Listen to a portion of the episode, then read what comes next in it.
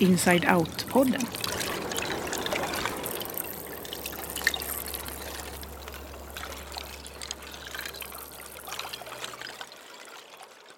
So if you would kind of um, translate it literally, it would mean speaking all the words, telling everything.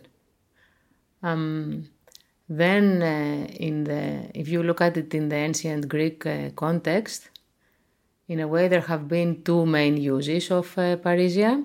So you can say there is a good and a bad parrhesia. So the good parrhesia is associated with speaking up the truth for the common good. So it's kind of something spoken in public. Uh, and then even kind of, um, I mean, there is this idea of uh, good and bad. You know, it's an ethical uh, choice basically. And somehow, many times, uh, parrhesia is exercised w- uh, when you speak the truth for the common good, even if it goes against your own personal interest.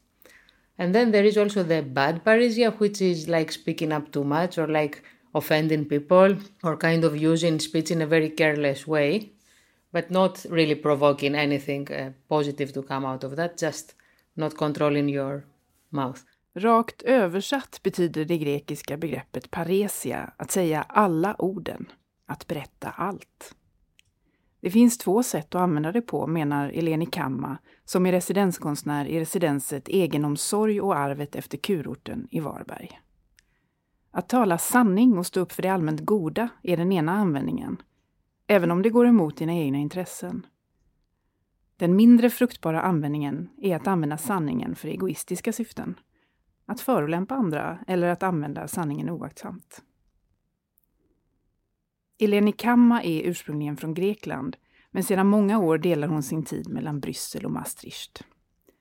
Från början var måleriet hennes uttryck, men film, video och performativa uttryck har tagit ett allt större utrymme i hennes arbeten. Paresia började hon undersöka under ett residens i Istanbul. Där, 2012, i Getsi Park under den arabiska våren, väcktes intresset för äldre typer av underhållning. Från skuggteater i den ottomanska traditionen och den fattiga, dumma och naiva karaktären Karagios. Att sitta tillsammans och skratta har alltid varit en del av den grekiska och armenska teatertraditionen. Och i Getsi Park såg jag människor som antog karaktären Karagios. De använde sina egna kroppar och gick in i en humoristisk roll. Det överraskade mig och ändrade inriktningen på mitt arbete. Det var då begreppet paresia liksom växte på mig, säger Eleni Kamma. I actually started being interested in this notion um, back in 2012-13 when I was in Gezi events. I mean, I was not there for the Gezi Park events. I was there for a residency, and I in was Istanbul. in Istanbul. Yeah.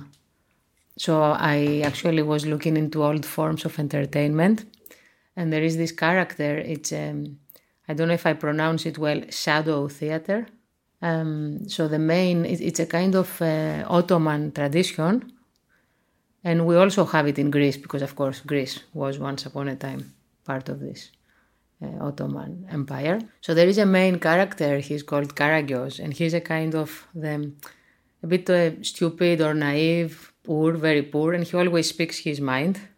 He really says what he thinks in a very humoristic way.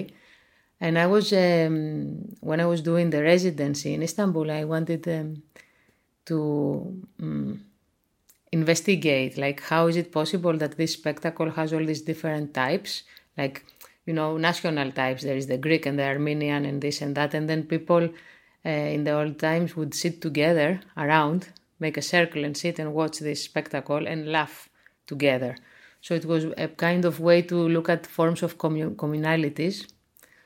Um, but um, somehow the events at the Gezi Park, where you started seeing actual people becoming Karagios, like using their own bodies to speak up and become humorous, uh, that was very much uh, surprising. Like, and it, it changed a lot the um, how can I say? It changed a lot the direction of my own project. But then this notion of parrhesia started coming more and more intensely in my brain. Like, okay, speaking up, speaking up through humor. What does that mean? How does it affect the others? How does it change public space, for example? and things like that. Who is willing to listen, really, for example. So it's not only about speaking, it's about like, does it work? If yes, how? You know, do we still need it as a concept? Where are we today with that? Yeah.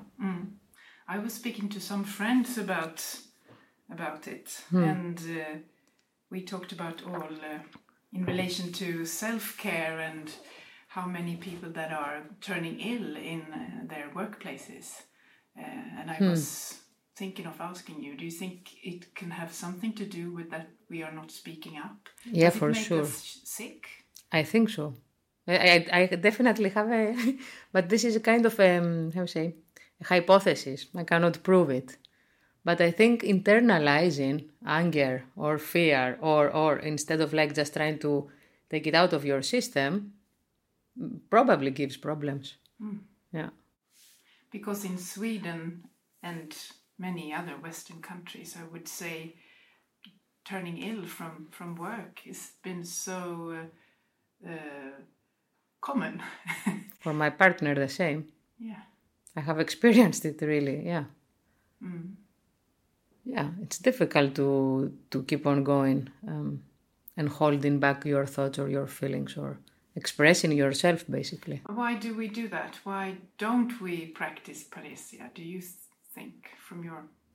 I think several people do practice parrhesia, right?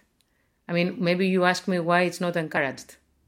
Yeah, because of course it's more convenient to just be obedient and not speak up, right? I mean, in a system like it's easier to not kind of ask questions and just kind of uh, do the things you are supposed to do. I guess. Paresia handlar också om att lyssna. Och vem är beredd att göra det i vår tid? Kan vi bli sjuka av att inte säga sanningen, frågar jag och hänvisar till de senaste årens höga sjukskrivningstal och utbrändhet som en ny folksjukdom. Ja, säger Eleni. Jag har en hypotes, men det är inget jag kan bevisa. Men jag har själv upplevt det med människor omkring mig. Om vi bara accepterar andras viljor och förtrycker våra egna så tror jag vi blir sjuka. Det är svårt att bara köra på och inte säga vad vi menar. Men kortsiktigt kan det vara lättare för oss att inte ställa besvärliga frågor. Det finns förstås människor som hela tiden praktiserar paresia, men frågan är ju varför inte det uppmuntras. Det finns 26 karaktärer i Eleni Kammas undersökning av personer som på ett eller annat sätt praktiserar att tala sanning. I den ottomanska traditionen finns det en typologi som Eleni använder. Och i början tänkte hon, vem kan egentligen tala sanning? Eller om jag går till mig själv, hur skulle jag kunna tala sanning? Kanske om jag var full, arg eller väldigt oskyldig? Hon började med att tänka på det som olika versioner av sig själv. Versioner som hon först tecknade fram, men som med tiden kommit att utvecklas som karaktärer i olika performativa arbeten. It's kind of ongoing, you know, because um, also some of them I have not developed enough. Maybe I will never. Some of them I have developed more. I mean, I keep uh, uh, bumping on them because you read, for example, or you kind of see several types being uh, um, present again and again in, uh, in, in throughout history, basically. You know, in the Ottoman theater, basically it's a typology of characters. So in some way, I'm working with that typology. Um, so I mean, the the criteria or, or the way of choosing was from the beginning thinking, okay, who could speak up? But I, uh, maybe yeah, we have discussed this in the past. Like, so I started really putting myself in it. So I started thinking, if I want to speak the truth, I mean, how would I be able to do it? I mean, what kind of characteristics could I have? So you can think of several um, situations through which you would be enabled to speak up. Maybe if I was drunk, right? It would be easier for me to say what I think. Or if I was very angry. Or if, if I was just very innocent, you know, and not uh, having very much, not thinking too much the consequences of my, yeah. So this is how it started. I started really drawing versions of me. Yeah, because you're a Yeah. painter from the starting, That's very true. from the beginning. Yes, yes. So this is mostly like the medium I feel the most uh, comfortable. The mo- it's like the center, let's say. Um, but I'm I'm more and more and more interested in this kind of performative. Uh, I mean, in performative aspects of art. So yeah, Yeah, why is that? Going from drawing to performance? Maybe it's our, our, it's our own times, I think. Like somehow our times are so much, I mean, there is so much fragility and it's so much like can be just said with your own body in space. It's as if all the rest is not, I don't know, maybe it's not easy to conserve or it's too much to hold. Or maybe it's really representing more our, our times.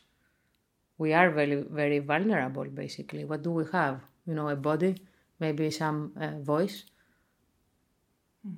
Yeah, maybe that's why. Maybe this then is the way also to address issues, like really thinking what is the most essential, like what can we hold on to, or what is um, that we have to take care of. I vår tid fungerar det performativa bättre än många andra uttryck. Vi är väldigt sårbara egentligen. Jag menar, vad har vi? Våra kroppar? Kanske en röst? Det måste vi ha en omsorg om, säger Eleni. Hon var själv ett introvert barn. Jag var en duktig student, men jag hade en enorm rädsla för att räcka upp handen och tala. En rädsla för att öppna munnen inför andra som lyssnade. Jag kan inte förklara varför, men så var det när jag växte upp. Jag försöker kanske också läka mig själv genom mitt arbete. Som konstnär behöver jag använda mina personliga berättelser.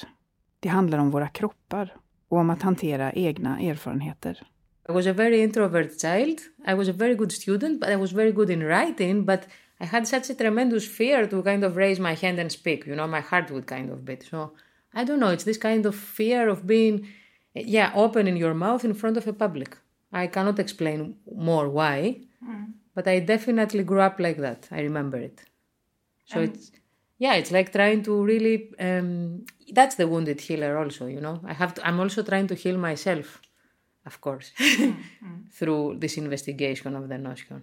Mm. Because I, I think, yeah, indeed, like as artists, of course, we have to be connected somehow in a personal, like it, it is about our own bodies somehow dealing with what we experience. We're not out of it, mm. right? Mm. So when did you know you wanted to speak up? Or, yeah, or yeah. That I want to change. Yeah, and how did you do it? I'm just doing it every day, right? Like talking to you now. Mm. It's a practice. It's nothing, it's not about a goal that, okay, I know that in two years I will accomplish. It's just ongoing. So, from that perspective, I think this notion of rehearsal somehow towards a non um, finishing result, like it's, it's just about keep on practicing it mm. every day. I think that's the only, for everyone though, like Parrhesia, that's it. It's about every day trying. Mm. But somehow by doing it, you become stronger. yeah. And when did you know that art was a good place for you? Ah, I'm always somehow doubting, but thinking of the, what you have to, how much you have to fight for things. Okay, so basically, maybe I don't know if I told you I was studying mathematics. No. Ah. Okay, so um, I actually entered the School of Mathematics around 19 years old, and I had a much more romantic idea. And then I entered the um, uh, university, and then I had exactly this idea, like what Joseph Beuys was saying, that was not my idea about science. I had exactly the same response. Like I didn't think mathematics is about that. It was pretty boring setting, and uh, I was like, oh no. So actually starting mathematics was at the same time starting painting in my house. That was the response. And then uh, like two, three years later, it became clear I just want to go into art. So I gave exams again, I passed, and then I just went on. Yeah. But I, in that sense, I started a bit later, like at 22.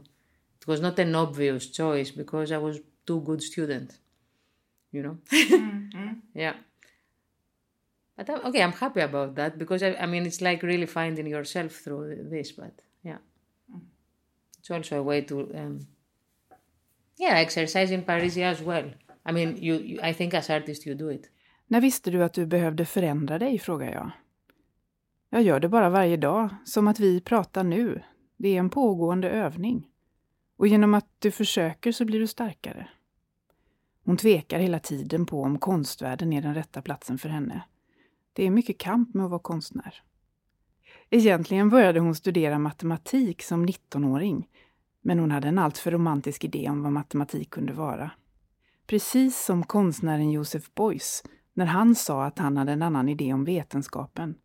Precis så kände Eleni med matematiken. Jag trodde att det skulle handla om något annat. Det blev för tråkigt. Jag började måla hemma och sen ansökte jag till konstskolan och blev antagen. Och på den vägen är det. Det var inget självklart val. Jag var ju en duktig student. Men jag är glad för hur jag hittade mig själv i konsten, säger Eleni. Do you think art can help us? yes, I think. How? Oof, that's a difficult uh, way to. I mean, I don't know how to answer. You know that. Um, I think actually societies where art uh, is not present have big problem. Let's put it like that. But exactly, it's like this kind of um, thin line because if it kind of starts being um, thought of as okay, art can be of help, that could be also problematic for me. I think art is not about thinking it as a tool that you can just apply which you know many times like in political uh, choices at least a lot in the netherlands for example there is always this notion of the useful which can turn bad you know and really not uh, being about art anymore mm. but just a useful tool for other purposes so i think art actually is really about yeah it's really about having this space for art which is not to be kind of used basically it's a space of freedom a space like open for imagination, for kind of trying to think the impossible, kind of. This is what art should be about, I think. As artists, we should be engaged in this direction to really try to fight for having this open space for people to come in. So it's, it's not, not, only a space for the artist. No, of course not. It's a, it's a space that we kind of maybe we should fight for in order to be open for everyone to join. Mm. Yeah. Kan konsten hjälpa oss, frågar jag. Ja, det tror jag, säger Eleni och skrattar och suckar samtidigt. Samhällen som inte har någon konst får problem. Men det är en komplicerad och svår fråga. Om konstens nytta betonas allt för starkt och vi börjar använda konsten som ett verktyg för andra saker, då slutar det att handla om konst. Konsten behöver frihet. Ett fritt utrymme där vi kan använda vår fantasi och tänka det omöjliga. Eleni använder själv begreppet socialt engagerad konst om sitt arbete.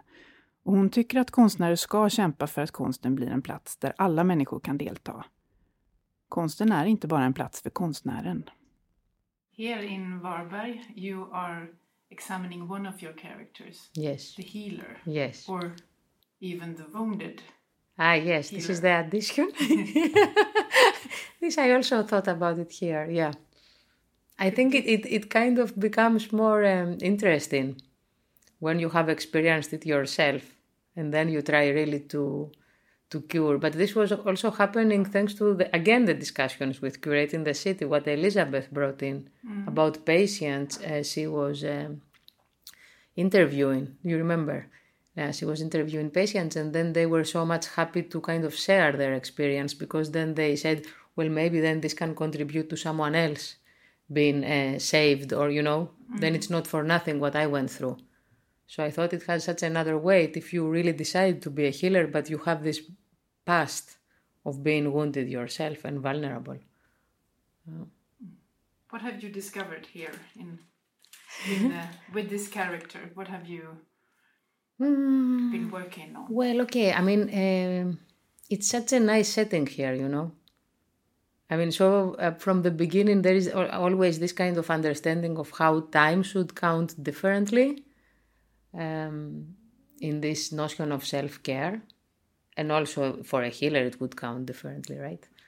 Um, so, for sure, the aspect of time, um, this kind of feeling of letting go, uh, this, um, I don't know, how we are all together in that, but then again, we depart and we are separate um, it was a very nice uh, setting to be in the cult bath, cult bath house and try to film there like two days. because I, I really enjoyed it.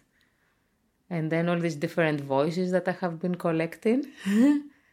um, also like from archival material, like women um, discussing how it really cures them in a way, being in the sauna together as friends and having it as a habit every week.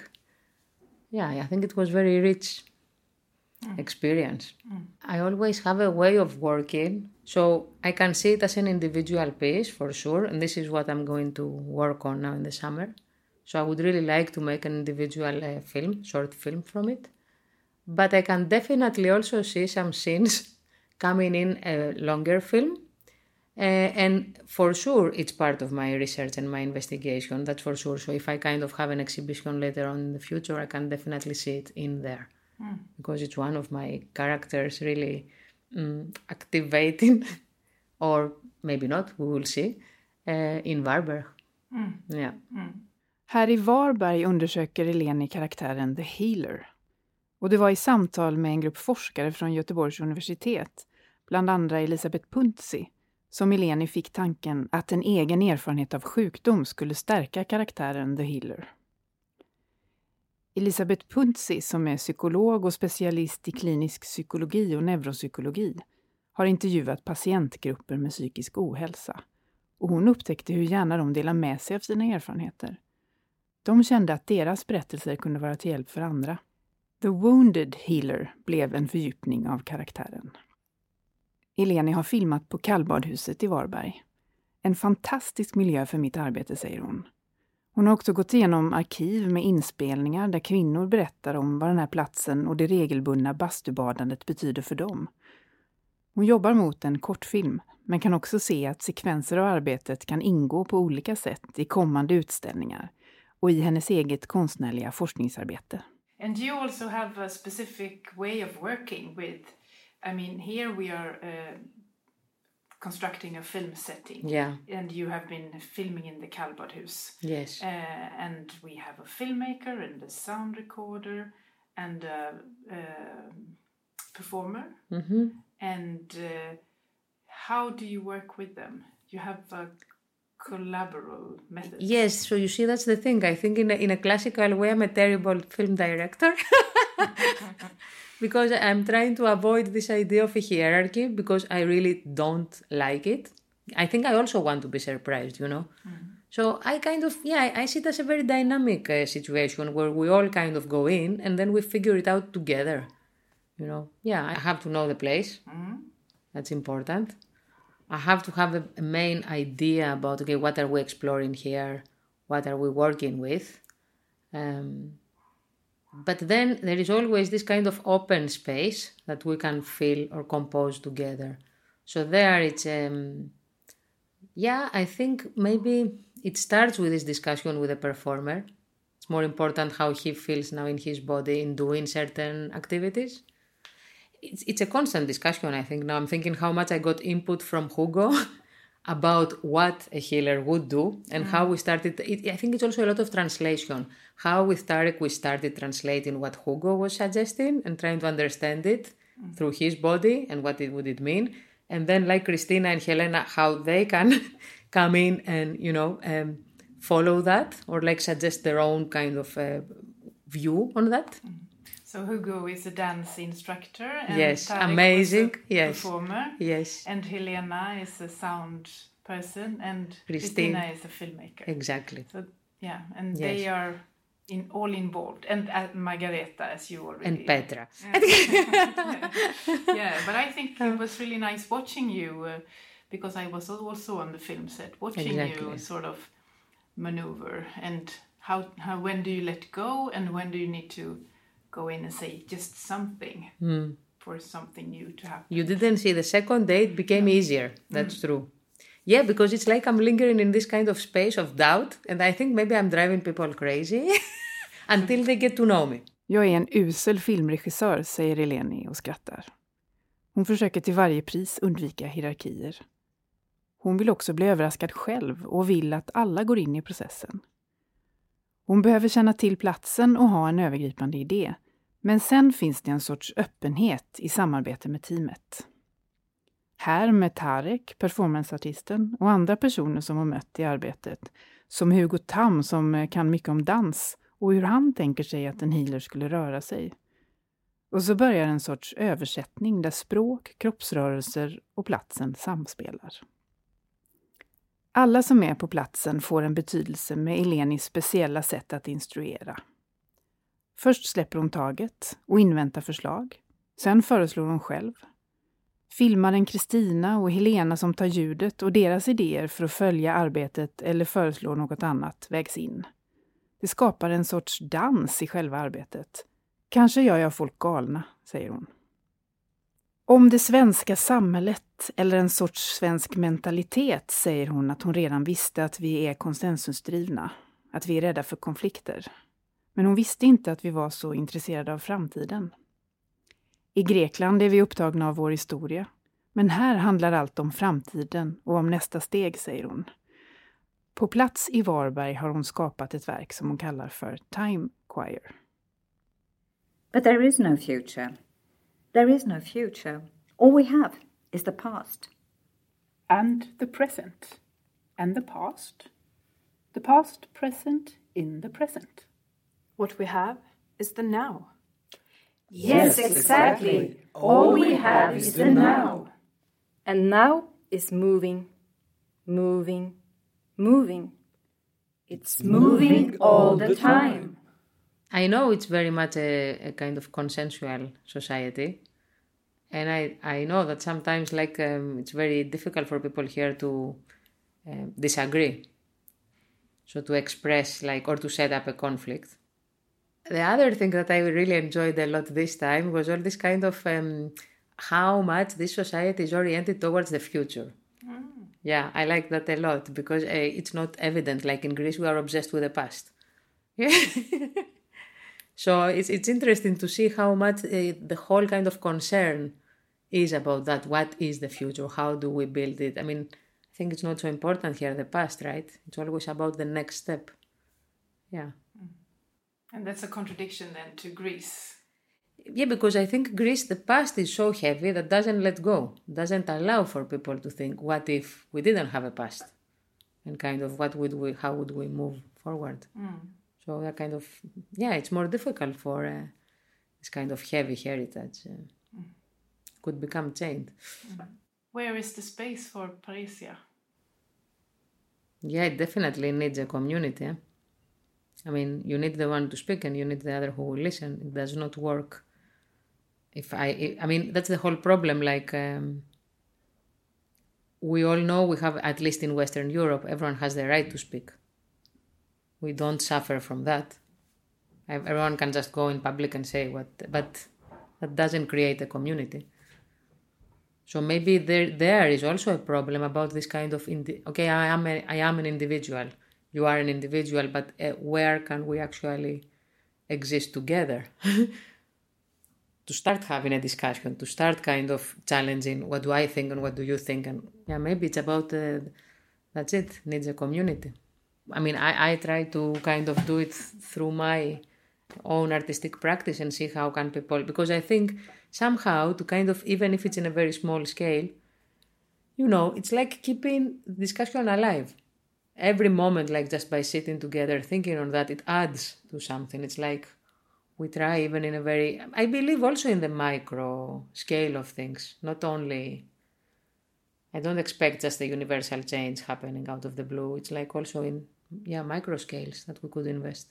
Egentligen lider vi alla av samma sak, säger Eleni. Vi saknar gruppen, vår community.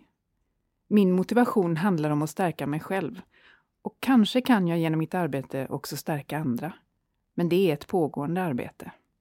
I think most of us suffer from similar things. It's just like, yeah, we are, I don't know, fooled by external, that, you know, as if countries are so different or, but at the end, my motivation in all this, I think it keeps on being the same thing. It's about kind of empowering myself, but also empowering the others somehow. Like if we could just keep on going through this schema where everyone, I mean, of course, it's also for me, but I can be better fed by existing with others. And then if the others can take something from me, it would be good, no? Like we can, it's an ongoing thing. I don't see an end to it. Mm.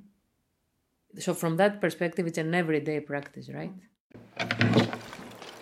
Du har lyssnat på Art Inside Out-podden och ett samtal mellan Eleni Kamma och Petra Johansson. Redigering av mig, Helena Persson.